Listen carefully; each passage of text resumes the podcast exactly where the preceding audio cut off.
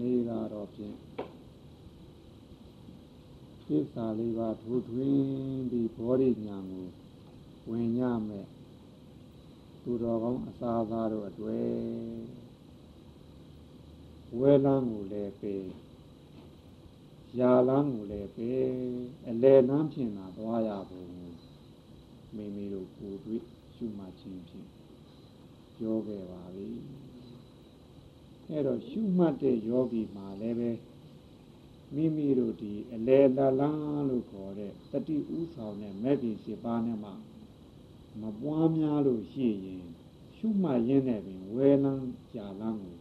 ကူးပြောင်းနေတတ်ပါတယ်ဒီနေရာမှာအနုညာဆုံးဖြစ်တဲ့ဝဲရနှစ်ပါးဟာအမြဲတမ်းရှိနေတတ်ပါအဲ့တော့မနေ့ကတို့ဝေဒနာနုပဒနာဖြစ်တဲ့နာကျင်ကြိုက်ခဲမှုတစ်ခုမှာ အကြောင်းပြု၍ဒီရှုမှတ်တဲ့နေရာမှာတတိနဲ့မမှတ်တဲ့အတွက်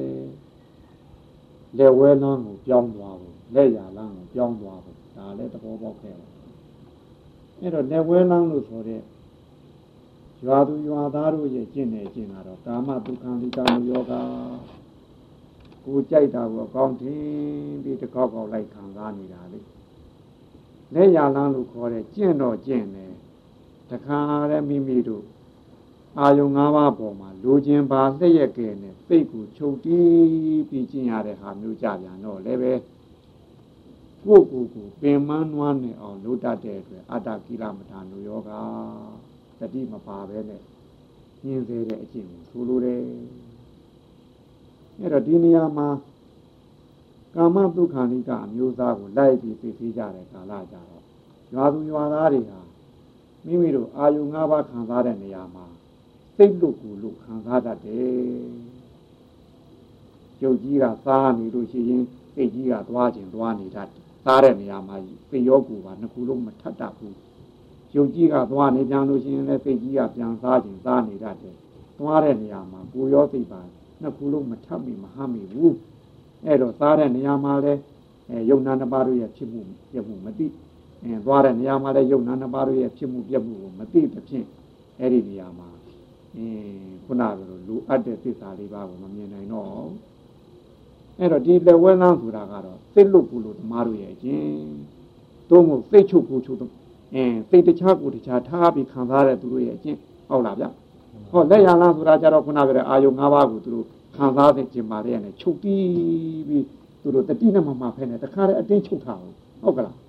တတိနဲ့မမဘူးစိတ်ကိုအတင်းချုပ်ပြီးဖားရတဲ့အတွက်သူကစိတ်ချုပ်တော့ယုံနာတတ်တယ်ဟုတ်လားအဲ့တော့လက်ရလန်းဆိုဒီမှာ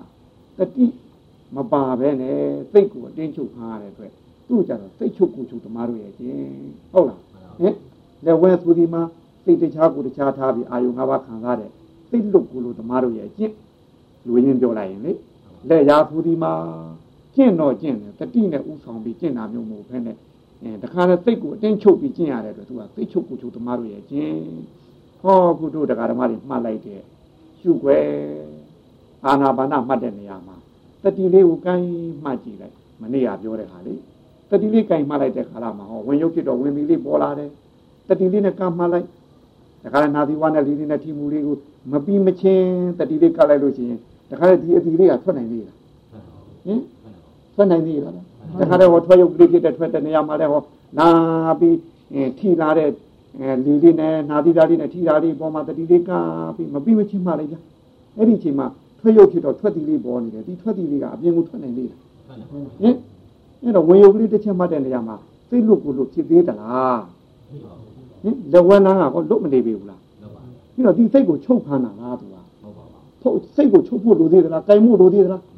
ယုံနာနှစ်ပါးကိုကျွတ်တို့ကြိုင်မှုလိုသေးသလားချုပ်ဖို့လိုသေးသလားတတိလေးတစ်လုံးကြိုင်ထားတော့ဟောစိတ်ချုပ်ကိုချုပ်သမားတို့ရဲ့လက်ဝဲလက်ရလန်းကိုပါသေးလားမပါပါဘူးရှင်းလို့ဗျာအလေတန်းကြီးဗျာဟုတ်ကလား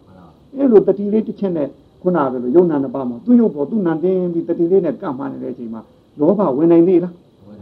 လောဘမဝင်နိုင်တဲ့အတွက်ကာမဒုက္ခနိကဆိုအကြိုက်လိုက်ခံစားတဲ့လောဘသုံးကိုနင်းသေးလားဟင်ဒီနေရာမှာခုနကယုံနာနှစ်ပါးပေါ်မှာတတိလေးကထားတဲ့အတွက် ဒီမှာဒေါသကဝင်သေးလား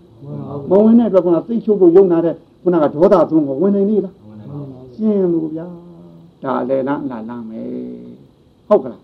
လောဘဒေါသသုံးတရားနှစ်ပါးကလည်းလွန်နေပြီပြီးတော့စိတ်လူကူလူလည်းမဟုတ်တော့ဘူးစိတ်ချုပ်ကူချိုးလည်းဟုတ်တော့ဘူးဟုတ်ပါမလားဟင်ဒါမေးစိမပฏิပဒါလို့ဆိုလို့တယ်ဟုတ်ပါလားအဲ့တော့အဲ့ဒီမေးစိမပฏิပဒါဆိုတဲ့အလေလန်းလန်းကျင့်စဉ်မှာမှာတဲ့အင်္ဂါရှိချက်ကိုတော့ ကျွတ်တို့မက်ခင်ရှိပါလို့သုံးပါဟုတ်ကလားအဲ့ဒါကိုမက်ခင်ရှိပါဟုတ်ကလားဗျဟင်အလယ်လမ်းမှာသုံးရမယ်ဟာလေမက်ခင်ရှိပါအဲ့တော့မက်ခင်ဆိုတဲ့နေရာလေးကိုတို့တခါကြီးများရှေ့ဥစွာသဘောပေါက်အောင်ပြောတာပြောကြအောင်ဆိုမက်ကနဲ့အင်္ဂါဆိုတဲ့ပါဠိလေးနှစ်ပုဒ်မက်ကအင်္ဂါအဲ့ဒီမက်ကနဲ့အင်္ဂါဆိုတဲ့ပုဂ္ဂလိနှစ်ပုဒ်ကိုတခါကြီးတို့ဗမာကအဲဖျားစုတော့မက်ကင်လို့သုံးလိုက်တာဟုတ်လားဟင် မက်ကဆိုတာလေးကတပုဒ်အင်္ဂါဆိုတာလေးကတပုဒ်မက်ကဆိုတာကိရိတာကိုတတ်တဲ့နားရဲ့အင်္ဂအခြေခံအစိတ်အပိုင်းဟုတ်ကလားအင်္ဂဆိုတာအခြေခံအစိတ်အပိုင်းဟုတ်ကလားဗျမက်ကဆိုတာ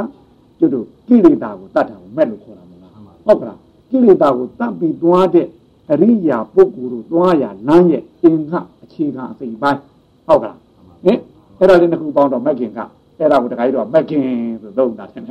ဟုတ်ကလားဟင် မဲဆိုတာကိလေသာကိုတတ်တာကိုဆိုလိုတယ်ကိလေသာမာရင်ဒီမာရင်တော့ကိသတိတိမက်ခောဆိုတာ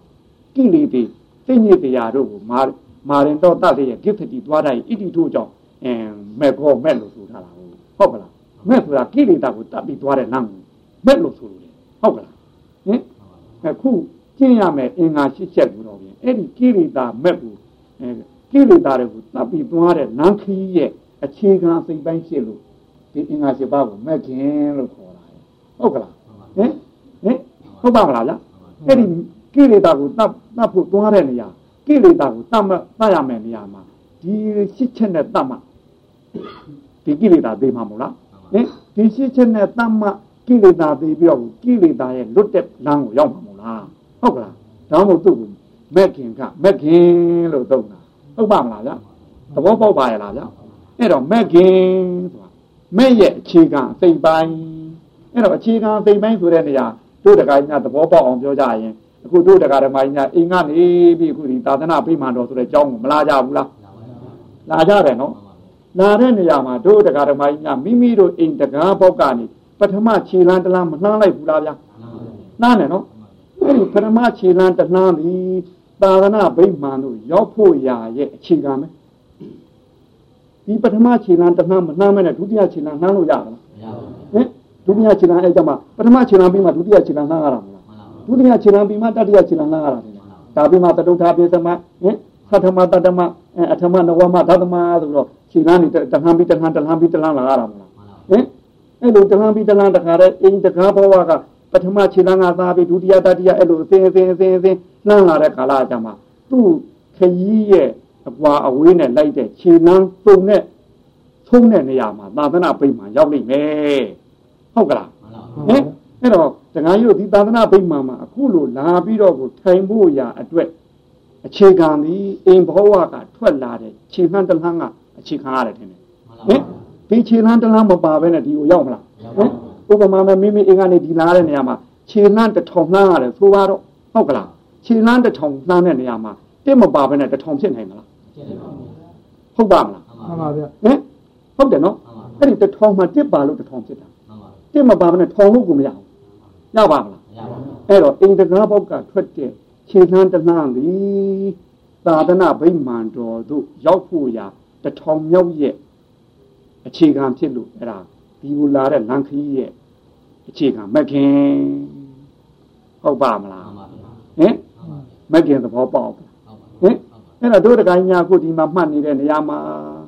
ဒီအင်္ဂါ၈ပါးနဲ့ပြည့်စုံတဲ့ဒီအင်္ဂါရှိချက်တတိဥဆောင်တဲ့မခင်နဲ့ပွားလိုက်တဲ့နေရာမှာဒီတတိလေးတစ်ချက်ဒီတစ်ချက်မှတ်လိုက်တဲ့နေရာမှာတခါကြီးတို့ခုနကအင်္ဂါ၈ပါးနဲ့သုံးတဲ့ဒီအင်္ဂါ၈ချက်နဲ့သုံးတဲ့မခင်နဲ့မှတ်လိုက်တဲ့အချိန်မှာလောဘဒေါသဝင်သေးလားဟင်တစ်ချက်ဝင်ရင်တစ်ချက်တော့ကိလေသာတပ်ပြီးသားဖြစ်နေပြီဒီတစ်ချက်မပါဘဲနဲ့ပုံမကြည့်ကြမလားဟင်ဟင် ဒီမသေးလေးမှာတခါကြီးတို့ခုနကဒီအသေးသားလေးတွေမှာကန့်ကန့်ကန့်ကန့်ပြီးတော့မှဒီလောဘဒေါသမောဟကိုအသေးစိတ်မှမတတ်ခဲ့ရင်ဟိုအကြီးသားဆိုတဲ့ဒိဋ္ဌိဝိသိကိစ္စကိုတခါကြီးတို့တတ်လို့ရမလားဟင်ဟုတ်ပါမလားဟိုမှာအတ္တဒိဋ္ဌိကြီးလေဟုတ်ပါမလားဟင်အဲ့တော့တခါကြီးတို့အခုမှတ်လိုက်တဲ့မှတ်ချက်ကလေးတစ်ချက်ဒီဟိုမှာဒိဋ္ဌိဝိသိကိစ္စဆိုတဲ့အကြီးသားကြီးကိုတတ်ဖို့ရရဲ့အခြေခံဖြစ်မနေပြီဘူးလားဒါအိမ်ဘဝကထွက်လာတဲ့ခြေခံလေးတစ်ခါတင်တယ်ဟင်အခုမှတ်ချက်ကလေးတစ်ချက်ပြီး အိမ်ဘဝကထွက်လာတဲ့ခြေခံလေးတစ်ခါမှွယ်မဟုတ်လားဟင်ဟုတ်ပါမလားဟုတ်တယ်နော်ဒီအဲဒါမှမဟုတ်ဒီတတိဥဆောင်တဲ့မဂ္ဂင်ရှိပါကိုအဲအဲမက်ကိလေသာတတ်ဖို့ရရဲ့အခြေခံဖြစ်လို့မက်ခင်လို့ခေါ်တာတော်ပေါက်ပါဗလားဟုတ်ကလားမှတ်မိပြီနော်အေးဒါကြောင့်မို့မက်ခင်မက်ကတခြားအင်္ဂါကတခြားအဲ့ဒီမက်ကိုရောက်ဖို့ရရဲ့အခြေခံအစိတ်ပိုင်းဖြစ်လို့အခြေခံလည်းဖြစ်တယ်အစိတ်ပိုင်းလည်းဖြစ်တယ် ဟုတ်ကလားဟင်အခြေခံလည်းဖြစ်တယ်အင်္ဂါအခြေခံအစိတ်ပိုင်းလည်းဖြစ်တယ်ဟုတ်ကလားအဲ့တော့အခြေခံနဲ့အစိတ်ပိုင်းဒီမှာစကားလေးနှလုံးကွာနေဟင်အခြေခံလည်းဖြစ်တယ်အစိတ်ပိုင်းလည်းဖြစ်တယ်အဲ့တော့ခုနပြောတဲ့ခြေလမ်းတစ်ကနေတထောင်သွားလိုက်တဲ့နေရာမှာဒီတစ်ဆိုတဲ့ပထမခြေလမ်းမရှိဘဲနဲ့ဒီတထောင်ဘယ်လိုလုပ်ဖြစ်မလို့ဖြစ်ပါဘူးအဲ့တော့ဒီခြေလမ်းတလမ်းဒီဒီတထောင်ရဲ့အခြေခံဖြစ်မနေပြီဘူးလားဖြစ်ပါဘူး သို့တော့တထောင်ပြည့်လိုက်တဲ့ကာလမှာရည်တွက်လိုက်လို့ရှင်ဒီတစ်ကောမပါဘူးလားတစ်ပြီးမှနှစ်နှစ်ပြီးမှ3 4 5 6ဆိုတော့အဲ့တော့ဒီတထောင်ဒီဒီတစ်ပါရည်တွက်လို့ရတဲ့အတွက်အသိပိုင်းမဖြစ်နိုင်ဘူးလားဖြစ်ပါဘူးဟင်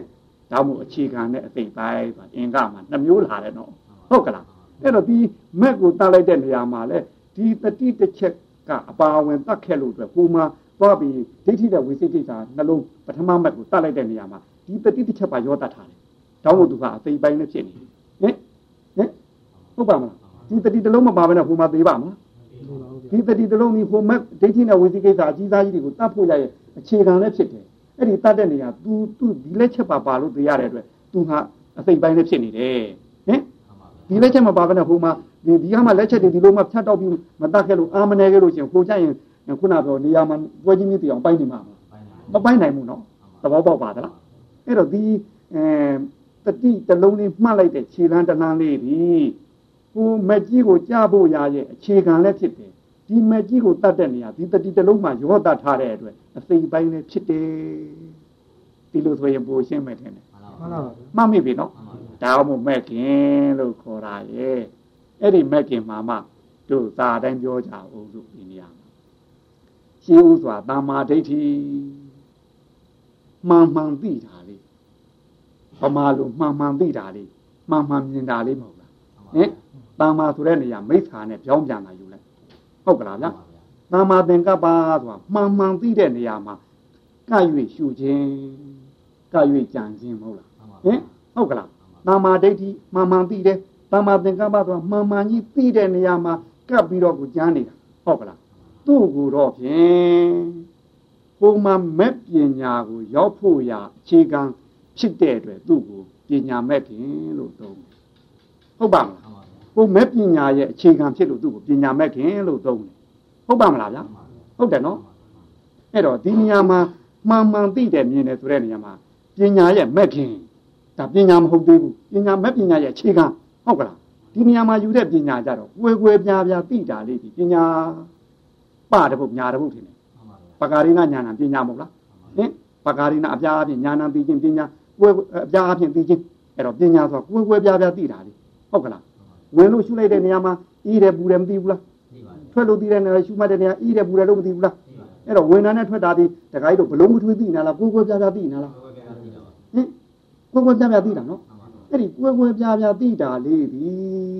တို့ဟောမဲ့ပညာဆိုတဲ့အဲ့ဒီမဲ့ကိုအခြေခံပြုတဲ့အတွက်ဒီဟာလေးဟာပညာမဲ့ခင်လို့သုံးတယ် ဘလုံးမထွေးသိတာကိုပညာဆိုတာမဟုတ်ကိုယ်ကိုယ်ပြပြသိတာကိုပညာလို့ဆိုလို့လေဟုတ်ကလားဗျာသူကဟိုမဲ့ပညာကိုကျေစုပြုရမယ်အခြေခံအသိပိုင်းဖြစ်လို့သူ့ကိုပညာမဲ့ခင်လို့သုံးတယ်ဟုတ်ကလားဒါပြီးတော့ရှိအဲတခုသွားလိုက်ကြအောင်ဆိုတာမဝါသာမှန်မှန်ပြောတာဟင်တာမကမ္မန္တမှန်မှန်လုပ်တာတာမအာဇီဝမှန်မှန်ကြံစီတာမနောကံကိုဆိုလို့လေတာမအာဇီဝ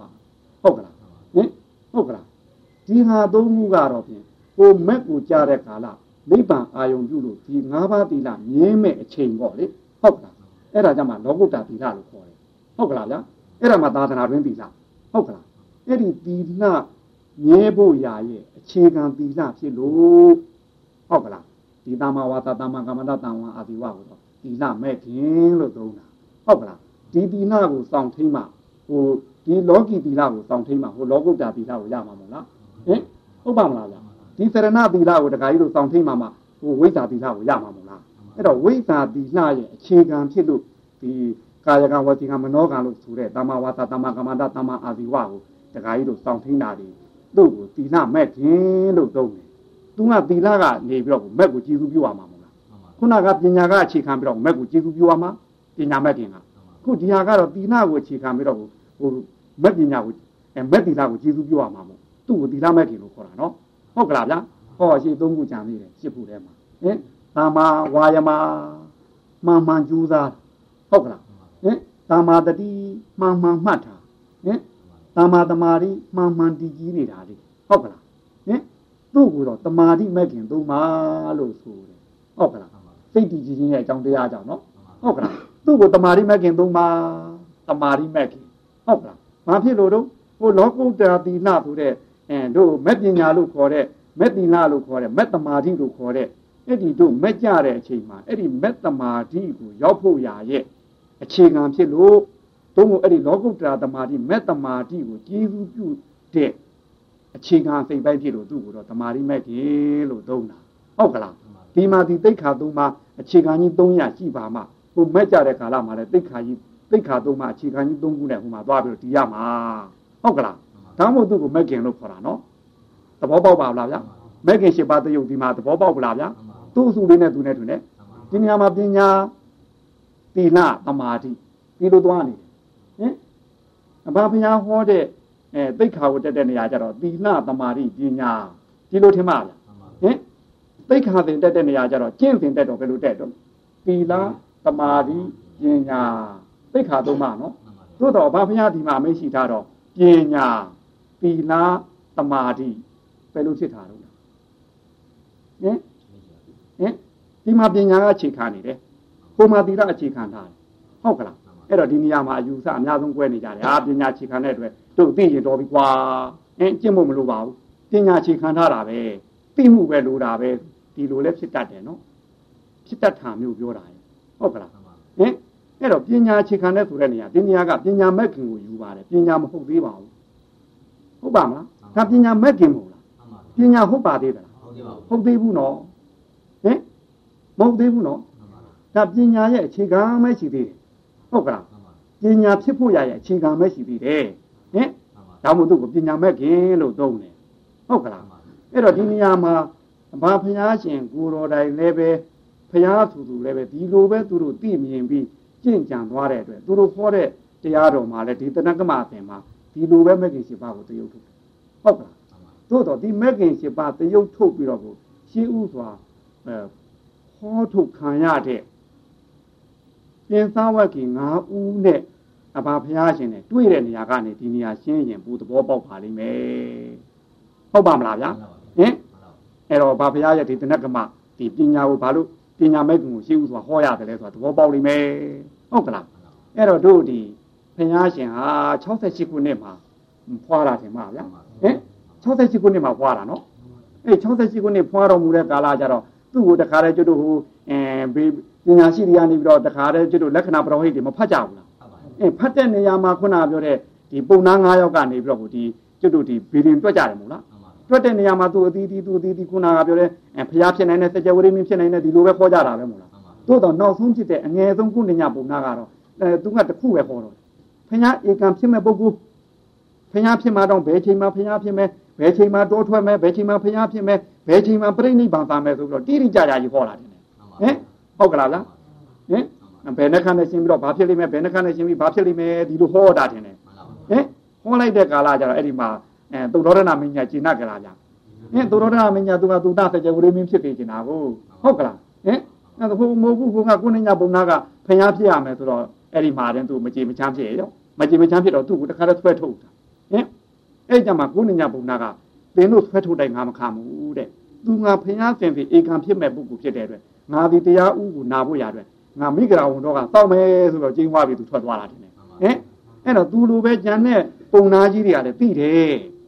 သိတော့လည်းပဲမင်းလိုလိုက်မင်းကြိုက်ခါသားပြီးတော့သူတို့ကတော့စကြဝဠာမင်းမှာနှစ်ခုခေါ်တာဟုတ်အဲ့တော့သိတဲ့အတွက်ဟိုပုံနာကြီးတွေကတော့ဒီဖျားဖြစ်မဲ့အချိန်ကိုသူတို့မမီတော့ဘူးဟုတ်ကလားမမီတော့တဲ့အတွက် ခုနပြောတဲ့အဲဘာတို့ဝါပါတို့ဗာတိယာတို့မဟာနာတို့အတ္တသိတို့ဆိုတာတွေကအဲ့ဒီပုံနာကြီး၄ယောက်ရဲ့သားတယ်အဲ့ဒီပုံနာကြီး၄ယောက်ကငါတို့တော့ဖြင့်ဖျားဖြစ်မှမှန်သိတယ်မိလဲတို့မမိတော့ဘူးအဲ့တော့တို့မမိလို့ချင်းတော့မင်းတို့မိတဲ့ပုဂ္ဂိုလ်များစောင့်ညာဆိုတော့ဘေးရင်ဟောတဲ့ပုံနာကြီး၄ယောက်ရဲ့ပုံနာကြီး၄ယောက်ရဲ့သားပေါ့လေသား၄ယောက်ရဲ့အငယ်ဆုံးဒီဖျားကိုမိနိုင်တဲ့ကုန်းတင်ညရဲ့အဲ့ဒါဒီပြင်စဝက်ကြီးဆိုပြီးတော့၅ယောက်တော့ဥက္ကူလာဖြစ်တာဟုတ်ပါမလားဗျဟင် အဲ့ဒီကနေပြီးဖျားရှင်ကတခါတည်းသူ့သူ့အချိန်သူ့ခါနဲ့ပေါ့ဗျာတခါတည်း16နှစ်ကြတော့လက်ထမင်္ဂလာပြုအဲ့ဒီကနေပြောခုနက73နှစ်လုံးလုံးနားဆန်းဟုတ်ကလားဗျ73နှစ်လုံးလုံးနားဆန်းပြီနားဆန်းပြီးတဲ့ကာလကြတော့တို့ဥယျင်ကိုလေးလာတစ်ချိန်ထွက်တယ်ထင်ပါဗျာဟင်လေးလာတစ်ချိန်ထွက်တဲ့အခါမှာအဲ့ဒီမှာနမိတ်တီသွားမြင်တယ်အဲ့ဒီနမိတ်တီမြင်တဲ့ကာလကြမှာအဲ့ဒီမှာစိတ်မရွှင်ပြီးတော့မှတို့အဲ69ခုနှစ်မှာတောထွက်တာတယ်နော်ဟုတ်ပါမလားဗျဟုတ်သေးဘူးနော် ဟင်103ခုနှစ်မှာပွင့်တာကို6နှစ်နှုတ်လိုက်တော့ဘယ်လောက်လို့68ကနေပြီးတော့အင်းဘာလုပ်တာမဟုတ်လား68ကပွားတာမဟုတ်လားဟုတ်ကလားဟင်68ကပွားတော့29နှစ်ကိုဗျာသူကနန်းဆန္နာဟင်29နှစ်မဟုတ်လားဗျာဟင်103ခုနှစ်မှာသူပွင့်တာမဟုတ်လားဟင်103ကိုဘာလုပ်လိုက်လို့ရှိရင်ဘယ်လောက်ရှိမလို့အင်းဟင်ဟင်60ခွန်ပေါ့ဗျာ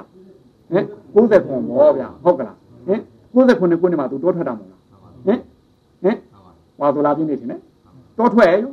အဲတောထွက်တော့သူထွက်မှန်းတဲ့ပြီးရောတခါတည်းဟိုကကိုနေညာပုံနာကစပြီးတော့အကုန်လုံးအဲ့ဒီ9ယောက်လုံးတခါတည်းလိုက်သွားဟုတ်ကလားဝကြီးဝငယ်ပြုမဟေးဆိုပြီးတော့ဟင်အဲ့ဒီမှာရင်ဘုရားရှင်ကသူ့ခုနပြောတဲ့နောက်ပံမောင်းဆန်းတို့ခန္ဒီကာတို့နဲ့အနော်မတောင်ကနေခုပဲကူကူပြီးတော့ဥရုဝေလာတော့မှသူကသွားပြီးတော့ကျင့်တော်တာပဲဒုက္ခရတည်းအဲ့ဒီမှာရင်ဒီခုနကကွန်းတင်ညာဥဆောင်တဲ့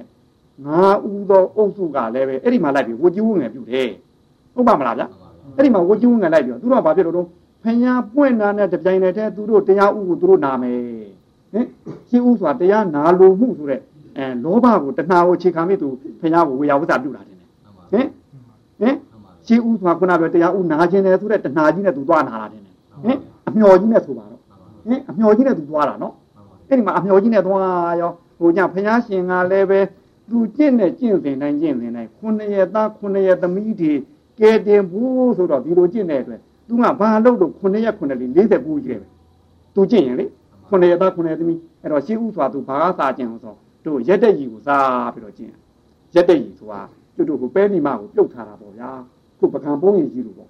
ပကံပုံးရင်ကြီးလို့ဟာမျိုးကိုအဲ့လိုပုံးရင်လို့အနှစ်မဟုတ်ခဲနဲ့ဒီအသိလိုက်ပေါ့လေ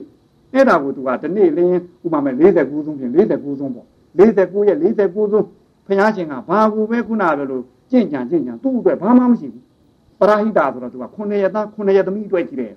အဲ့လို49ရက်49ဆုံးနဲ့သားပြီးကျန်လိုက်တယ်အဲ့ဒီပြီးတာနဲ့တပြိုင်နက်တည်းကိုးနေညာပုံနာဥဆောင်တဲ့ငါဥကမေးတယ်ဘယ်နဲ့တော့ရှင်ကြီးခေါ်တော့မှကိလေသာကုန်လားဆိုသူစဉ်းစားကြည့်တယ်ကုန်သေးဘူးဟင်ဟုတ်ကလားကုန်သေးဘူးလို့သူဖြေလိုက်အဲ့တော့တခါထချင်းညာရောငါအကျင့်နေသေးလို့ထင်တယ်ဟုတ်ကလားနောက်တစ်ခါတော့49ဆုံးမဟုတ်တော့ဘူး အဲတခါတော့ကျွတ်သူလျှော့ပြန်ရောလေဟင်49ရက်မှာနောက်တစ်ခါတစ်မျိုးလျှော့လိုက်ပြန်ရောကျင့်လိုက်ပြန်နဲ့ထားပြီးတော့49ရက်ဟင်49ရက်စခန်းပြီးလို့ချင်းမေးပြန်တဲ့ဟိုကနေပြီးတော့ဘယ်နဲ့တော့ရှင်ကြီးဟောဓမ္မကိလေသာကုန်မလားဆိုအင်းသူအာယုံပြုတ်လိုက်တယ်ဟုတ်ကိလေသာကုန်မကုန်ဘယ်ကနေစမ်းညမှာတော့ဟင်ဟင်တို့ကိလေသာကုန်မကုန်ဆိုအတိတ်ငါးကြီးလည်းညွတ်နဲ့ထိုးကြည့်ဟင်ဟင်ဟုတ်ကလားအတိတ်အာယုံ၅ပါးဆိုတဲ့အတိတ်ငါးကြီးလည်းညွတ်နဲ့ထိုးကြည့်မှာပေါ့ဟင်ဟင်ဟုတ်ကလား အတိတ်ငါးကြီးလည်းညွတ်နဲ့ထိုးကြည့်လိုက်လို့ငါးကြီးအမီးလွန့်လာလို့ရှိရင်ဒါမသေးသေးဘူးပေါ့ဟုတ်ပါမလားအတိတ်ကမိမိခံစားခဲ့ဘူးတဲ့အာယုံငါးပါးပြန်ပြုတ်လိုက်လို့မိမိစိတ်မှာထကြွတောင်းကြမ်းနေတယ်ဆိုဒါကိလေသာမသေးသေးလို့ဟင်ဟုတ်ပါမလားဟင်ဟုတ်ကလားဗျသေးသေးဘူးဆိုတခါအဲပြသဝကင်ငါဥတို့ကတခါစိတ်ဓာတ်ကျသွားပြန်ရောနာသေးဘူးဆိုဟင်ဟင်တခါငါနေသေးတူတဲ့တွေ့ရသူတခါလျှော့ချင်းတားတဲ့ခုနက49ဆုံးကပေါ့လေလျှော့လျှော့လျှော့လျှော့ကျင်လိုက်တာတခါလေ49ရက်49ရက်ဒါပြည်တယ် အဲပြည်တိုင်းပြည်တိုင်းကုဏညာပုံနာတို့ကလည်းမေးတယ်မေးတိုင်းမေးတိုင်းသူကလည်းကုန်သေးဘူးပဲပြောတာဟုတ်ပါမလားဗျဟင်ကုန်သေးဘူးပဲပြောတာပဲအဲ့တော့ဒီလိုကျင့်တော့ဒါလည်းငါနေသေးလို့ထင်နောက်တော့တခါဒီစခန်းကုန်သွားတော့တခါအဖတ်တင်မထည့်တော့ဘူးအရေးကြီးတဲ့49ရက်ကိုအဲ့ဒီအရေးကြီးတဲ့တောက်တော့တာဟုတ်ကလားဗျဒါကြောင့်ငါကိလေသာနည်းနေလို့လည်းထင်တယ်ဆိုတော့ဟုတ်ပါမလားဗျကျင့်များရောတခါအဲ့ဒီအရေးကြီးတဲ့49ရက်49ရက်ပြည့်လို့49ဆုံးနဲ့မေးလိုက်ပြန်တယ်ကုန်မလား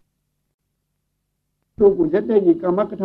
အဲလောက်ရတဲ့ဟာမျိုးကိုအကုန်ပယ်ပြလိုက်တော့တယ်ဘာလို့တော့သူထိုင်းတဲ့သစ်ပင်ကိုတခါလဲတီးနဲ့ဝိုင်းပြီးတော့ဟင်ဒီစီဝိုင်းကြားမှာထဲထဲမှာဝင်တဲ့သစ်ပြီးကျွေကြတာကိုလည်းသူစားမယ်တဲ့ကျွေမကြတာမသားဘူးတဲ့49ရဲ့ကျင့်များရောဟုတ်ပါမလားဗျာဟင်အဲ့တော့လေဒီထဲမှာသူတိကတော့လေးတိုက်တစ်ခါဆယ်လုံးကျွေတဲ့ခါလည်းကျွေမယ်၉လုံးလည်းရှိမယ်ရှစ်လုံးလည်းရှိနေရှိမယ်နေတိုင်းတော့မှန်မှန်တော့မဟုတ်ဘူးထင်တယ်နော်အဲ့လိုနဲ့စားလိုက်ကြတယ်စားပြီး49ရဲ့ပြည့်ကြတယ် ဒါလည်းပဲကိလေသာပြီးလို့ကိလေသာကုန်လားဆိုကုန်နေဘူးပဲဟိုဟာဟုတ်ပါမလားဟင်အဲ့ဒါတခါကိုနေညာဘုံနာတို့ကမကျင်နာပြားမှုဟုတ်ကလားဒါလည်းငါနေသေးလို့နဲ့တူတယ်ဆိုနောက်တော့တခါလည်းလက်ပေါ်ကြမှာဟုတ်ကလားဗျနောက်တစ်ခါ49ရဲ့9ရဲ့သား9ရဲ့သမီးကြတော့လက်ပေါ်ကြမှာပြီးဝိုင်းမဟုတ်တော့ဘူးဟင်ဒါလည်းလက်ပေါ်ကြမှာဆိုတော့ခုနကပြီးဝိုင်းနဲ့တော့များပါအောင်မလားဟင်ဟင်လက်ပေါ်တဲ့တဲ့ကြဖို့ဆိုအလုံးခဲရင်းနဲ့နော်အဲ့ဒါတလုံးသားတစ်ခါတည်းလေးလေတိုက်ကြခြင်းကြမှာပေါ့နှလုံးသားကြခြင်းလည်းကြမှာပေါ့ ကြတာလေးသူသုံးဆောင်နေတာပဲဟုတ်ကလားဒါလည်းခုနလိုလိုအဲ့ဒီ49ရဲ့တစ်ခါတစ်ခါတစ်ခါပြီးပြန်ရင်မေးပြန်ရောကိုနေညတို့ကဘယ်နဲ့တော့ပြီးပလားငါကလည်းပြီးသေးဘူးအာယုံပြုတ်ကြည့်လိုက်တယ်အတိတ်ငါးကြီးကိုတန်းကြည့်လိုက်တယ်ဟင်ဒါလည်းငါနေသေးလို့နဲ့တူတယ်အကျင့်နေသေးလို့ဖြစ်ရမယ်ဟုတ်ပါမလားဗျဒီလိုဆိုရင်တော့ငါပသက်ထဲကြမှာသားမယ်လို့နောက်တစ်ခါ9ရက်သား9သမီးတွေအတွက်49ရက်တခါလုံးပြန်နေဗျဟုတ်ကလား အဲ့တော့ပသက်ကြီးကကန့်လာညီနေတာတစ်ပင်ကတစ်ပြီးဘယ်လိုလုပ်ကြွေကြမလဲဟင်ဝင်နိုင်မအောင်မလားဟင်ဝင်နိုင်မအောင်မလားဗျဟင်ဟိုကပသက်ကြီးကကန့်လာနေတဲ့ဥစ္စာကိုမောခရမှာမရှိတာပဲဝင်တော့ကဲတလုံးဘယ်လိုလုပ်ဝင်လို့အဲ့လိုဖြစ်တော့မှတခါတည်းတရပြီးတရတရပြီးတရကျင်တာတခါတည်းအယူရေးရေးအယူပြိုင်ပြိုင်နဲ့တခါတည်းအယူပေါ်ရေးတင်ပြီဟင်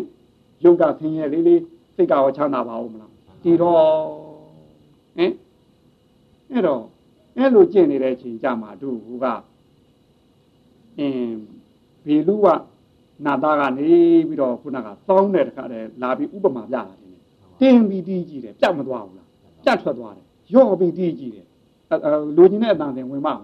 မဝင်ဘူးနော်အဲ့ကြမှာမလျှော်မတင်းလေးလုပ်ပြီးတီးကြည့်တဲ့ခါလာကြမှာတစ်ကတစ်အတန်နှစ်ကနှစ်အတန်သုံးကသုံးတန်ခုနှစ်တန်သူသုံးသုံးချင်းချင်းဝင်လာတယ်အဲ့ကြမှာဒုတိယလေးတီးခလိုက်တဲ့ကာလမှာသူ့ရဲ့လူချင်းတဲ့တချင်းတန်လေးပေါ်လာတာ ဟင်သူအဲ့ဒါကိုတွားနေအဲ့ဒီချိန်မှာတို့ဘာလို့ရှိနေပြီလေးနှစ်ကျော်ငါးနှစ်ကာလရောက်လာပြီဟုတ်ပါမလားဗျာအဲ့ဒီမှာအဲ့ဒီဥပမာ၃ချက်ခုနကသူ့ရှိမှာပေါ်လာတဲ့ပုပ္ပနမိတ်ကိုသူကြည့်ပြီးတော့မှအဲ့မှာငါတင်းနေတယ်တင်းလို့ပြတ်မှာပဲတင်းရင်ပြတ်မှာပဲဟုတ်ကလားဖျားဖြစ်ဖို့ရှိပါဦးမလားဟင်ဒီလိုသူဖျားဖြစ်ဖို့လာရှိပါဦးမလားဘာဖြစ်လို့လို့ကိရိတာတတ်တဲ့နေရာမှာအတလွဲနေလို့ဟုတ်ပါမလားဗျာ ကိရိတာဆိုတဲ့စိတ်ကိုညှိစေတတ်တဲ့ဒီကိရိတာစိတ်ကယုံမှာကတ်တာလားသိမှာကတ်တာလားအဲ့တော့တို့အလောင်းတော်ကယုံမှာတတ်နေတာလားသိမှာတတ်နေတာလား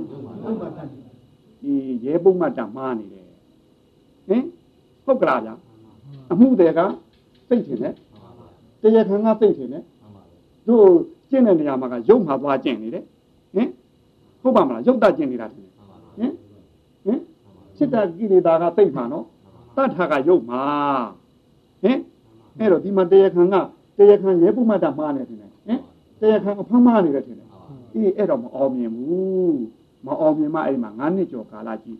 ကြည့်တဲ့ကာလမအောင်မြင်တော့အဲ့မှာသူငါတင်းလွန်းနေတယ်ဟုတ်ကလား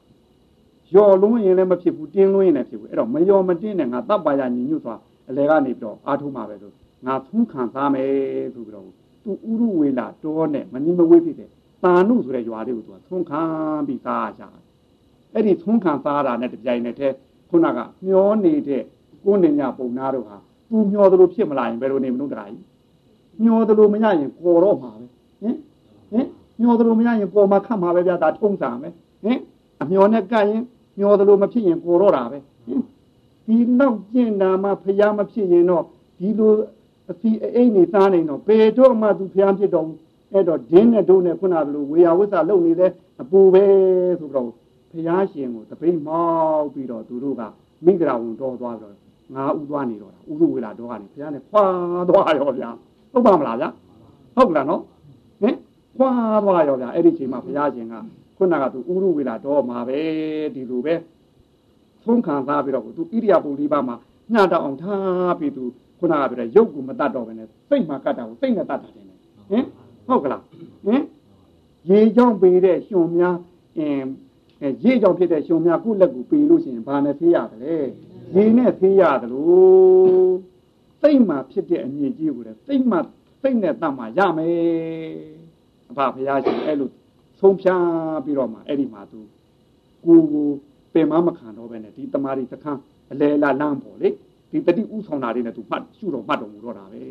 ဟုတ်ကလားဗျာဒါမေသိမပရိပဒါလမ်းထင်တယ် ဟင်စိတ်ကိုလည်းစိတ်လို့ကိုယ်လို့လည်းမဟုတ်တော့ဘူးစိတ်ချုပ်ကိုယ်ဆိုလည်းမဟုတ်တော့ပဲနဲ့သူ့ခန္ဓာကိုယ်ပေါ်မှာသူ့ရုပ်ပေါ်သူ့နာတင်ပြီးတတိလေးနဲ့ကမှတ်တာတင်တယ်ဟုတ်ကလားဗျာသူ့ရုပ်ပေါ်သူ့နာတင်ဟုတ်ကလားဝင်ရုပ်ကလေးနဲ့ဝင်သီလေးနဲ့ထွက်ရုပ်ကလေးနဲ့ထွက်သီလေးနဲ့ဒီပေါ်တတိလေးနဲ့ကပြီးဒီကနေပြီးတော့သူရှုမှတ်ပွားများသွားတာရဲ့အဲ့ဒီကနေပြီးတော့မှသူဒီသူလိုအပ်တဲ့ညာသူလိုအပ်တဲ့အဆင့်ရောက်တဲ့ကာလကြမှာသူဒီခုနကပြောတဲ့ body ပင်ကိုသွားတယ်ဟုတ်ကလားဗျာအဲ့ဒီ body ပင်ကိုသွား body ပင်သွားပြီး body ပင်မှာသူအဲ့ဒီမှာ အင်းတို့ဘာလုပ်တဲ့ပေါ့လေအဲ့ဒီမှာတို့အင်းဝင်တဲ့ body ပင်ဝင်တဲ့နေရာမှာကွာသူတစ္ဆာဒိဋ္ဌာန်နဲ့ပါပဲဟုတ်ကလားအဲ့ဒီ body ပင်မရောက်မီမှာကျွတ်တို့အဲ့ဒီတောတော်မှာသူနေရိပ်ခူတယ်အဲ့ဒီနေခူတဲ့ကာလကြတော့အဲ့ဒီမှာငသင့်ဆိုတဲ့ငထမ်းသမားကဒီပုဂ္ဂိုလ်ရဲ့ဥပရိယုတ်တဏ္ဍာကိုကြည်တာနဲ့အာအလုံးမြင့်မြတ်တဲ့ပုဂ္ဂိုလ်ပဲဆိုသူမျက်ရှိစုပ်ပြလိုက်တယ်အဲ့ဒီမျက်ရှိစုပ်ကိုသူယူလာတယ်ယူလာပြီးတော့ body ပင်ကိုသူညနေနေဝင်ငါနီးကိုသွားတာဟုတ်ဟုတ်ကလားဗျာဟိုမှာနေကိုပြီးတော့ဟို အဲ့ဒီနေမဝင်မီကိုသွားရောသွားတဲ့ကာလကျတော့ဟိုရောက်တော့ body ပင်ကိုသူတောင်ဘက်ကနေဝင်မလို့လို့တောင်ဘက်ကဝင်မလို့တော့ body ပင်ညတခါတည်းမြေကြီးပါတောက်နေတယ်ဒါနဲ့သူ body ပင်ကြီးဝင်လို့မရပြန်ဘူးဒါနဲ့သူအသင်လိုက်ပေါ်လေလက်ရရဲ့လှည့်ရလှည့်ပြီးတော့ဝင်လာလိုက်တာတနင်္ဂနွေတောင်ရောက်မှာ body ပင်ကြီးကတဲ့တယ်ဖြစ်တယ်ဟုတ်ကလားဘယ်ကဝင်ဝင်ဘောဘောဒီပင်ကြီးမြေကြီးတခါတည်းတောင်းပြီးတော့လဲနေတာဟုတ်အဲ့ဒီကြမှာသူတနည်းကနေတောင်းကြမှာဒါငါဝင်ရမယ်ရမယ်ဆိုအဲ့ဒီနေရာမျက်စိသူကျဲလိုက်တဲ့ကာလမှာသူ့ရဲ့ခုနက ပါရမီတော်အရှင်ကြောင့်ပလင်တော်ပေါက်လာတာလားဟုတ်ကလားအဲ့ဒီမှာပလင်တော်ပေါ်မှာသူတရားအားထုတ်တတုထသံလို့ခေါ်တာပေါ့ကျွတ်တို့ဒီအာနာပါနတတုထသံကိုပွားများတယ်ဟုတ်ကလားတတုထသံဆိုအဲ့ဒီချိန်မှာသူဒုက္ခလည်းပယ်ပြီးပြီဒုက္ခလည်းပယ်ပြီးပြီဟုတ်ကလားဗျဥပိ္ပခာဧကကရာဆိုတဲ့ဒီစိတ်ကလေးနှစ်ခုပဲနဲ့ပဲထင်တယ်ဟင်ဟင်ခန္ဓာကိုယ်ပေါ်မှာလည်းသူဒုက္ခဒုက္ခခံစားတော့ဘူးစိတ်ပေါ်မှာလည်းဒုက္ခဒုက္ခခံစားတော့ဘူးထင်တယ်ဟင်မခံစားတော့ဘူးသောမနာတာဒေါမနာတာလည်းပယ်ပြီးပြီဟုတ်ကလား ဥပိ္ပခာဧကကရာဆိုတဲ့ဒီတခုရီသောစိတ်ကလေးနဲ့တတုထသံဝင်စားပြီးတော့နေတဲ့အချိန်မှာအဲ့ဒီကနေပြီးတော့တို့ခုနကပြောတဲ့နေမဝင်မှာဒေဝပုဒ္ဒမန်ကိုအောင်မယ်ဟုတ်ကလားဗျာဟင်ဟင်ခုနပြောတဲ့မေသီမာယာမတို့ဘာလာဗျာဒိဗ္ဗသကုညာလာဗျာဟင်ဒိဗ္ဗသကုပုတိအာတဲ့ပုပ္ပိနိဝါဒနုတ္တိညာကိုရတယ်ဗျာဟုတ်ကလားတကောင်းယာမဒိဗ္ဗသကုညာကိုရတယ်ဗျာဟောအာယုတဲ့ဆိုတဲ့အဲပစ္စည်းမယာမတုအာသဝခရညာရပြီးတော့ဟင်ကထုံနာပြင်းနေမာတို့ဘာလို့တာမို့လား တန်လို့တာညာကိုရတယ်ဟုတ်ပါမလားဗျာအဲ့ဒီချိန်မှာတန်လို့တာညာကိုရပြီကထုံနာပြင်းနေကြမှာတို့6နှစ်ပြည့်တာတယ်နဲ့ဟုတ်ပါမလားဗျာမပြည့်သေးဘူးဝါဒလာပြင်းနေမှာသူတော့ထွက်တာ6နှစ်ပြည့်မှာဟုတ်အဲ့ဒီမှာအဲ့ဒီ body ပင်ရောက်ထားတဲ့တပြိုင်နက်တည်းအဲ့ဒီကနေပြီးသူတခါတဲ့ခုနှစ်သားခုနှစ်သမီးတို့အတွက်ဆိုပြီးတော့သူအဲ့ဒီနေရာမှာလေဖျားဖြစ်ထားတော့အဋိဋ္ဌာမလျှော့ပါဘူးသူ့သားသမီးတွေကိုဘလောက်မတနာတယ်တနာတယ်ဆိုရင်ခုနှစ်ရက်သားခုနှစ်ရက်သမီးအတွက်ဆိုပြီးတော့ဘောဓိဘေးမှာခုနှစ်ရက်လုံးလုံးသူထိုင် ဟင်အသာမစားတော့စားအဲ့ဒီချိန်မှာဖလားသမဘာနဲ့တန်ချမ်းသာတယ်ပဲတူနေတော့နော်အဲ့ဒီကနေပြီးတော့အဲ့ဒီကခုနှစ်ရက်ပြည့်တဲ့ကာလကြမှာတခါသူအနိအာနိမိတာကိုဆိုတာကအဲတနင်္ဂနွေတော့ပါလေအဲ့ဒီမှာခုနှစ်ရက်တခါလေဘောဓိဘေးကိုမမိတ်မသုံးနဲ့ကြည်နေတာလေဒီလည်းသုံးမစားဘူးဟုတ်ကလားဗျာခုနှစ်သားခုနှစ်သမီးတို့အတွက်ဖျားဖြစ်တာတောင်ကျင်တော့ဟင်သားသမီးတွေပေါ့ဘယ်လောက်ထိသနာရဆိုတာဒီကနေပြီးတော့တခါတည်းအဲ့ဒီအဲတနင်္ဂနွေတောင်းနဲ့အဲခုနအာနိမိတာကုန်းနဲ့ဘော်ဒီပင်ကြားမှာ ဗဉ္ညာလျှောက်နေတာကခုနှစ်ရက်ဟုတ်ကလားဗျာဒါပြီးဘော်ဒီပင်ရဲ့ယာဟုတောင်းမှာခုနကကျွတ်တူအဲအဘိဓမ္မာတွေကိုခွဲခြားသိပြပြီးတော့ယရဏကျွေးမာနေတာကခုနှစ်ရက်ဒါပြီးတော့ဘော်ဒီပင်ရဲ့အရှိဘမှာသာပါလာညောင်မင်းရင်မှာခုနှစ်ရက်သတင်းသုံးဒါပြီးမုံသတင်းနာအာမခုနှစ်ရက်သတင်းသုံးနောက်ဆုံးဘော်ဒီပင်ရဲ့တောင်ဘက်မှာလင်းလုံးဘော်ဒီပင်မှာခုနှစ်ရက်သတင်းသုံးဟုတ်ကလားအဲ့ဒီမှာမေတ္တာကရုဏာမုရိဒာဥပိ္ပခာဆိုတဲ့ဗြဟ္မစုနဲ့တတ္တဝါတွေပွားများပြီးတော့မှအဲ့လိုပွားများလိုက်တာ ကထုံလာပြည့်နေ့ကဆိုရင်ဝါသူလာသန်း၄ရက်နေ့ဟာ49ရက်ပြည့်ပါတယ်အဲ့တော့49ရက်ပြည့်လို့ဝါသူလာသန်း9ရက်နေ့ကြတော့ငါဒီရရှိတဲ့တရားဥကိုဘသူဟောရမလဲဆိုသူကြည့်လိုက်ကြည့်တဲ့ကာလကြတော့သူတောထွက်လာတဲ့အချိန်မှာရှေးဥစွာသူနေတိခံလိုက်တာကအာလာယနဲ့ဥရကဆိုရတဲ့ဒီမှာသူနေတိခံကြည့်တယ်နေတိခံကြည့်တော့အာလာယဥရကတို့ကဓာပညာကိုသူသင်ပေးလိုက်တဲ့ကာလမှာဒီမြေရှုံးမှုပြန်သံဖြစ်လာတယ် သို့တော့ဒါနာဖြစ်တဲ့ကိလေသာမပူနဲ့တော့သင်တို့ပညာဒါပဲလားမေးတယ်ဟုတ်ကလားဒါပဲသူအာဒါလည်းငါလိုချင်တဲ့ပညာမဟုတ်သေးဘူးဆိုသူမလုပ်ထားဘူးအဲ့တော့ခုဖျားဖြစ်တဲ့ကာလကျတော့အာလာယဥရကဒီကျေးဇူးရှိတယ်ဆိုတော့သူတို့ကိုတရားဘူးဟောဖို့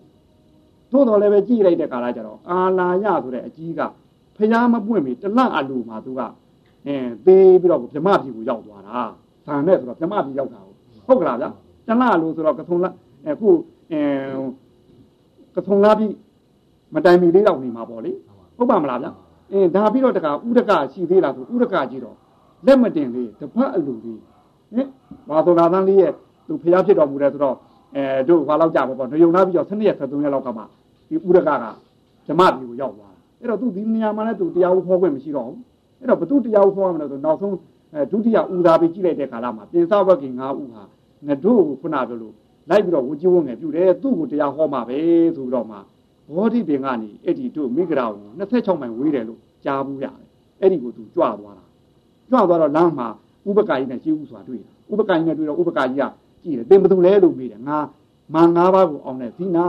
ဆိုတော့ဥပကကတေချာကြည့်ပြီးအင်းဖုံးလောက်เสียတော့ရှိသားပဲဟင်ဟင်တန်လျာဝင်တာလေအဲစိတ်ချလက်ချမယုံကြည်ပဲကိုဗျအဲ့တော့ဒီလိုဆိုရင်တင့်ထံငါတရားခံမရသေးဆိုတော့ဘုရားရှင်ကသူ့ယုံကြည်တဲ့ပုဂ္ဂိုလ်မှမဟုတ်ဘယ်လိုလို့ဟောမလို့ဟုတ်ပါမလားဗျ အဲ့တော့တင်သားတယောက်ရမှလိုက်ခဲဆိုတော့သူ့လည်းတရားဟောလို့မရပဲဘူးဗျဒါနဲ့အဲ့ဒီခုနကမိဂရာဝန်တော့တင်စားဝက်ကင်ငါဦးရှိတဲ့နေရာကိုသွားတယ်ဘယ်နေ့မှရောက်တော့ဆိုတော့ဝါသူလာသား9ရက်6ရက်ကထွက်လိုက်တာဝါသူလာပြည့်နေ့နေခင်းမှရောက်တာဟုတ်ကလားဟင်ညနေနေမဝင်မီကိုဟောမှာမဟုတ်လား6နာရီမှနော်နေကလည်းမဝင်မီနာလေးကလည်းရှိတော့ထွက်လာပြီအဲ့ဒီချိန်မှာဟောမှာအဲ့ဒီ9နာရီတော့ဆိုတော့ရောက်လာတယ်ဟင်၄နိုင်9နိုင်တော့ဘုရားရှင်ရောက်တော်မူတဲ့ကာလကြောင့် အင်းကြည့်ပြီးဟိုကပြသဝကိငါကအင်းလာပြီးပါရှင်ကြီးကောရမဟင်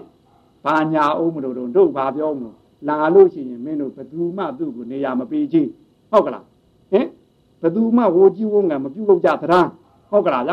ဝိုးကြီးဝုန်းငါမပြုတ်လို့ကြသလားအဲနှုတ်မဆက်သလားဟုတ်ကလားဗျအဲနေရာထိုင်ကြီးမပေးသလားဆိုတော့သူတို့အဲ့လိုကိုတခါတည်းဟင်ညှော်တာမျောသလိုမရတော့ပေါ်ပြီးထင်တယ်ဟင်အခက်ကြီးပါမလားဗျ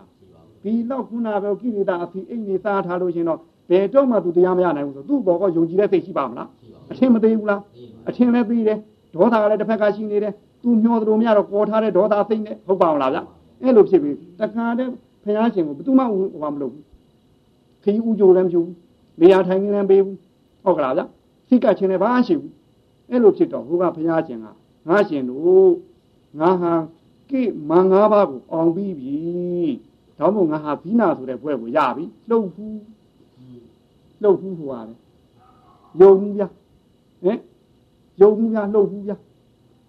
ဒီလိုဘုံကနေပြီးဘုရားရှင်ကနေပြီးတော့ငါမန်၅ပါးကိုရခဲ့ပြီအောင်မြင်ခဲ့ပြီဟုတ်ကလားငါလိုချင်တဲ့အထုထိတ်တမှုတညာကိုရပြီ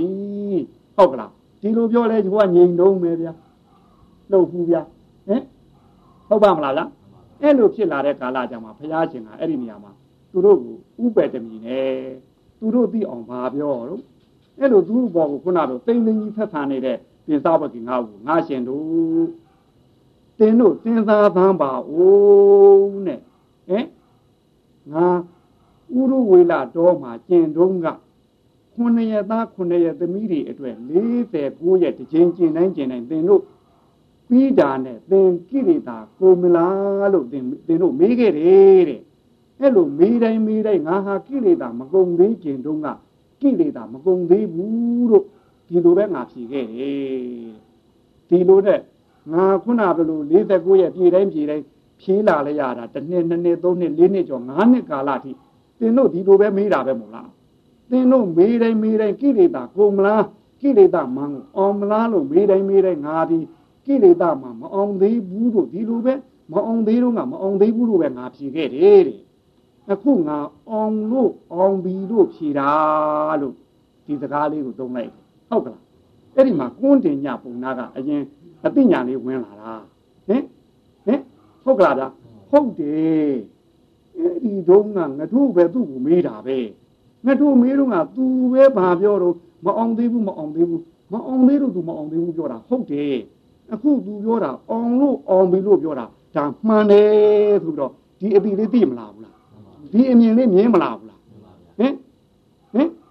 ဒီအမြင်လေးမြင်လာတယ်နော်အဲ့ဒီမြင်လာတဲ့ကာလကြမှာအဲ့ဒီမှာတခါတည်းကုဏညာဘုံနာကမနေတာတော့ဘူးအဲ့ဒီကြမှာကြောက်ဖြာတော့သူတို့နေရာထိုင်ကလေးခင်းအဲဒီမှာကြွပါဗျာဒီမှာနေပါဗျာဒီမှာထိုင်ပါဗျာနဲ့အဲ့ဒီနေရာမှာဘုရားရှင်ကမလာဘူးလားသိကမလာဘူးလားသိကလာပြီသူသိကမှာတော့ကျန်တဲ့အဲလေးဦးကဟောနေပါဟုတ်မလားဗျာသိကလာပြီအဲ့လိုသိကလာတဲ့ကာလကြမှာအဲ့ဒီမှာဝါသူလာပြည့်နေ့ဒီဓမ္မသက်ကဘောဝတ္တနာသူကိုတရားကိုဟောလိုက်တာ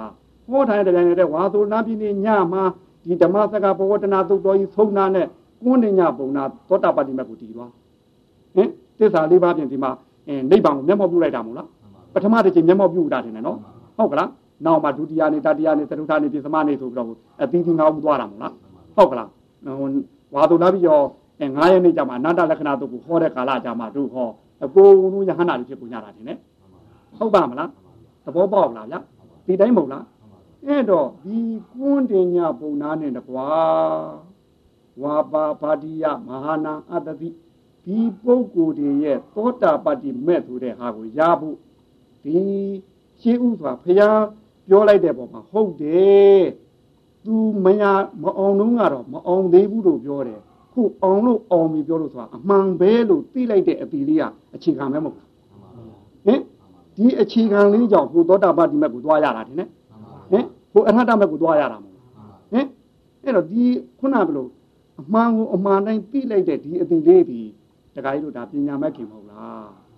ကွယ်ကွယ်ပြားပြားသိလိုက်တာမဟုတ်လားဘလုံးမထွေးသိတာလားကွယ်ကွယ်ပြားပြားသိတာလားအဲ့လိုကွယ်ကွယ်ပြားပြားသိတဲ့အတွက်ဘုရားရှင်ကိုတာမသင်္ကပ္ပအတိုင်းအမှန်တိုင်းဒီမှာမသိကဘူးလားဟင်သိကပြီဗျာဟင်အဲ့ဒီမှာခုနကဒီမဲ့ပညာကိုရဖို့ရရဲ့အခြေခံဖြစ်တဲ့ဒီအမှန်ဒီက ကျေသူပြုလို့သူဒီမက်ကိုရတဲ့အတွက်ဒီအမှန်ဒီအမှန်မြင်ဟုတ်တယ်ဆိုတဲ့တို့တခါကြီးများဆိုတာစိတ်ဓာမရပုံပါပေါ့နော်ဟုတ်ကလားစိတ်ဓာမရညာလေးကဟိုဘာဝနာမရကိုသွားပြီးကျေသူပြုနေရတယ်နဲ့ဟုတ်ပါမလားဒါမှမဟုတ်ဒါလေးဟာပညာမဲ့ခင်ဟုတ်ကလားဒါမှမဟုတ်ခေါ်တဲ့နေရာလဲတာမာဒိဋ္ဌိတာမာသင်္ကပ္ပကအသာဥစွာဒါဟောတာရဲ့ဟုတ်ပါမလားဗျာဟင်ဟုတ်ပါရဲ့လားဗျာဟင်ဟုတ်ပြီနော်ဟင် ဒါပညာမဟုတ်သေးဘူးနော်ပညာရဲ့အခြေခံပညာမဲ့ခင်ဟုတ်ကလားဒီလိုနဲ့အဲ့ဒီပညာမဲ့ခင်အတိုင်းပဲအားထုတ်လိုက်တဲ့ကာလကြမှာတို့ရှေးဥစွာဒီအမှန်ကိုအမှန်တိုင်းသိပြီးတော့မှလောက်ရတာရဲ့အမှန်သိမှအမှန်သိကမယ်ဟုတ်ပါမလားဗျာဒီတိုင်းသွားရတာဒါပညာရဲ့အခြေခံပဲရှိသေးတယ်ပညာမဟုတ်သေးဘူးဟင်အဲ့တော့တို့တရားဓမ္မကြီးတွေခုလာတဲ့နေရာမေးရအောင်မယ်ဟုတ်ကလားခုနပြောတဲ့ရိတ်သားတွေဘာတွေမသွားကြဘူးလားဟင်ဟင်မသွားဘူးလားဗျာ ဟင်ဘုရားကျောင်းကတန်ဃာတော်ရှင်ဟောရှင်များဒီပုံမှာမဖိကဘူးလားဗျာဟင်အဲ့ဒီဖိကတဲ့နေရာမှာတို့တခါကြီးများကိုကိုကိုပြန်သင်သားပေါ့ပထမတော့ကိုစီးပွားတွေရှားနေတဲ့တခါတဲ့လူလောကမှာအဲမူပွေခြင်းနဲ့ပွေတင်ခြင်းနဲ့ဒီမိုက်ခြင်းနဲ့မိုက်မိုက်မနေဘူးလားအဲ့တော့ကတခါကြီးတို့ဘာမြင်တော့ဘာမှမြင်မှုဟေးတို့စီးပွားရဖို့လိုတယ်ကွာကိုကိုငွေရှိမှတားရတာပဲနဲ့ဒီလိုအမှားမြင်နေမြင်မနေပြီဘူးလားဟင်ဒီလိုကနေအရွယ်လေးထောက်လာလို့ရလာတဲ့ကာလကြတော့တားလာလိုက်တာဟုတ်ကလားနှစ်ပေါင်း40 50တခါကြီးတို့သုံးဖြုံလာတာ အရွယ်လေးကလည်းညောင်းပြီးအဲသွေးလေးကလည်းနောက်ဆုံးခန်းလာတော့ကာလကြစင်းတခါကြီးတို့မတွက်ဘူးလားတို့ရှားလိုက်ရတဲ့မွေးတွေတစ်နှစ်ဘယ်လောက်ရတာဘယ်ရွေးရတာခုဘယ်မှာတော့ဟုတ်ကလားဟင်သားတွေသမီးတွေနဲ့ရလိုက်တာသားတွေသမီးတွေလည်းခုနကလိုသူအိုးသွေးနဲ့ခွဲသွားတာတို့ဘာရှိသေးတော့ဟုတ်ကလားဗျာငါသားကြီးကငါသမီးကရှိသေးလားဟင်ငါသားကြီးအာကူမယ်ငါသမီးကြီးအာကူမယ်နဲ့အရင်ကတော့မှားတဲ့အမြင်တွေမမြင်ဘူးလားဟင်ငါငွေရှိရင်ဘယ်လိုလုပ်မလဲအဲဘာပဲလိုလုပ်မလဲဒီလိုရှိတာနဲ့အဲ့ဒီမှားတဲ့အမြင်တွေကနေပြီးတော့ဟောအရွယ်လေးရတဲ့ထောက်လာပြီကို့မှာလည်းခုနကလို ရှားတဲ့ဖွေလေးဟာတွေကလည်းခုနကလိုပုံသွဲပြစ်ကုန်ပြီးကိုနဲ့ကာလာကြောင့်ဒီတိုင်းတော့ဖြစ်သေးဘူးတို့ကိုဖို့ကိုတာကိုပဲပါအောင်တော့ဖြင့်တို့လုံအောင်မှာပဲဆိုပြီးတော့ဒီအပီလေးသိမလားဘူးလားဟင်မသိဘူးလားတို့တခါကြီးများဟင်ဟင်ဘုရားကျောင်းကံကတ်တဲ့နေရာဘယ်အသိနဲ့ကပ်ပါတယ်လဲဒီအသိနဲ့ကတ်တာဟင်ဒီကွဲကွဲပြားပြားနဲ့ခုနပြောတဲ့တို့အာယုံ၅ပါးခံစားတာတော့ဖြင့်ဘာမှအကျိုးမရဖမ်းမရဘူးတို့ကိုယ်ပိုင်ပြီးသိမဟုတ်ဘူးဆိုတော့အဲ့ဒီအမှားတိအမှားမြင်ကနေပြီး ခုတခါကြီးတို့အမှန်သိပြီးတော့တို့ကိုဖို့ကိုတာလေးလဲရတဲ့နေရာပါရမီဖြစ်အောင်လူဘဝလေးမဆုံးရှုံးအောင်သူဟာအုံမဘေးဆိုတဲ့အသီးလေးကဒါအမှန်ဒီလားအမှားဒီဟင်ဟင်ဒီအမှန်ဒီလေးကြောင့်ဘုရားကျောင်းကတန်ဃာတော်များကိုသွားပြီးတော့မကပ်ဘူးလားအေးဗျာဟင်တမ္မာဒိဋ္ဌိနဲ့တမ္မာသင်္ကပ္ပအကျဉ်းသားလေးထင်ပါဗျာဟင်ဟင်အဲ့လိုကပ်ပြီးတဲ့ကာလကျမှတို့တခါညာဘုရားကျောင်းကရောက်လို့ဥပုံနေဖြစ်တဲ့ကာလကျတော့သီလမယူဘူးလားဗျာယူပါဗျာဟော စကျင်တော့သီလကစကျင်ရလိမ့်မယ်ထင်ပါဗျာဟင်သီလယူပြီးတို့တခါညာခုနကရိတ်တာဖြစ်လို့ရှိရင်ကောအဲတမာတိမထူတော်ဘူးလားဗျာထူတော်မှာဗျာဟင်မလုပ်ကြဘူးလားဗျာတမာတိထူတော်တမာတိထူတော်ပြီးမှအဲဒါကနာဟဲ့ရုပ်ခဲနဲ့အဲ့ဒီကြောင့်မှပညာသွားတာမဟုတ်လားဟင်အေးကျင့်တဲ့ကာလကြတော့သီလယူတမာတိခြေကားထူတော်ဟုတ်ကလားဒါပြီးမှမပညာအဲခုနကတဲ့နိုင်ုံနှစ်ပါးပိုက်ချပြီးပြီးတော့ဟဲ့ဒိဋ္ဌိဝိသုဒ္ဓိတရားတွေပညာတက်ရတာမဟုတ်လား ကျင့်တော့ဒီတိုင်းကျင့်တာမကျင့်ပြီးမှတို့တခါကြီးများအိမ်ကနေကြောင်းသွားဖို့နေရာကြတော့အဲ့ဒီတာမာဒိဋ္ဌိပါမှာသွားလို့ရတာဟင်ဟုတ်ပါမလားဟင်ဟုတ်ကလားဗျဟင်အဲ့တော့ပညာကိုဥသားပေးတယ်လို့မဟုတ်ပါဘူးကျင့်တဲ့နေရာတော့သီလသမာဓိပညာကျင့်ရမှာပဲသို့တော့သီလသမာဓိပညာသိက္ခာသုံးပါးကျင့်ဖို့ရရှင်းဥစွာအချိန်ခံအမှန်တည်လေးဆိုတဲ့တမာဒိဋ္ဌိပါတဲ့အတွက်တို့မက်ကင်မှာလည်းတမာဒိဋ္ဌိကသာဟောထားတာပဲသဘောပေါက်ပါလားလက်ခံပါလားဟင် သူတို့တခါညလာတာကဒီတိုင်းမှမဟုတ်လားဟင်အမှန်တည်လို့လာတာလားဟုတ်ပါမလားဗျဟင်ဟင်ဟင်တမာဒိဋ္ဌိနဲ့လာကြတာလားမိစ္ဆာဒိဋ္ဌိနဲ့လာကြတာလားဟင်ဟုတ်ပါမလားဗျအင်းပြင်သားဝက်ကြီးလို့အမျော်နဲ့လာတာလားကော်မလို့မျော်မလို့လာတာလားကော်မလို့လာတာလားမျော်မလို့ဟုတ်ကလားဟင်မျော်တာလားအင်းမျော်တော့မဖြစ်ကော်ဦးမယ်နော်အဲ့ဒါဟင်ပြင်သားဝက်ကတော့မျော်ပြီးကော်တော့လာရဲ့ဗျဟင်ဟင်ဟင်ဟုတ်ပါမလားဗျဟင်အေး အင်းမျောပြီးမျောတော့မဖြစ်ကော်လေဦးမယ်ဗျမျောတာနဲ့ကော်တာသိကွာလာမဟုတ်ဘူးရဲ့ဟုတ်ပါမလားဗျအေးအဲ့ဒါနဲ့မလာနဲ့တော့တာမာဒိဋ္ဌိနဲ့လာကြလာတဲ့နေရာဟုတ်ကလားဗျအမှန်ပြီးအမှန်မြင်လေးနဲ့စီကကြသဘောပေါက်ကြလားဗျာအေးဒီနေ့ဒါတော့ကိုတော်ရောဒီနေ့အပါဖရာဟောပေါ်ကြားတဲ့မဲခင်7ပါးမှာရှင်းဥစွာ သီလသမာဓိပညာဆိုတဲ့သိက္ခာသုံးပါးကျင့်မှုရာတွေမဲခင်မှာအမှန်ပြီးအမှန်မြင်ဆိုတဲ့ပညာရဲ့အခြေခံဖြစ်တဲ့တာမာဒိဋ္ဌိတာမာသင်္ကပ္ပမှစ၍ကျင့်ကြံရပုံတို့ကိုနာကြရသောတတ္တမသဝနာကုသကံစေတနာကြောင့်ဤနေ့ဤရဲ့ဤချင်းဤခါမှစ၍မိမိတို့သင်္တာမယညာဖြင့်အမှန်ကိုအမှန်တိုင်းသင်သာဆင်ခြင်ပြီးတကားလားအမှန်ကိုအမှန်တိုင်းသိမြင် အမှန်ကိုအမှန်တိုင်းသိကပြီအဲတိလကိုထူထောင်တမာရီကိုထူထောင်ပညာပေါင်းကိုရောက်အောင်ကျင့်ဆောင်ကြိုးစားပွားများနိုင်ကြပြီးတကားလားဖရာပိစိကဗုဒ္ဓယဟန္တာတို့သာသာယာဖြစ်သောနိဗ္ဗာန်တို့ရောက်ရာရောက်ကြောင်းဖြစ်သောဘောဓိ၅မျိုးတို့တွင်မိမိနှစ်သက်သောဘောဓိစုဖြင့်နိဗ္ဗာန်သို့ဝင်စားနိုင်ကြပါသည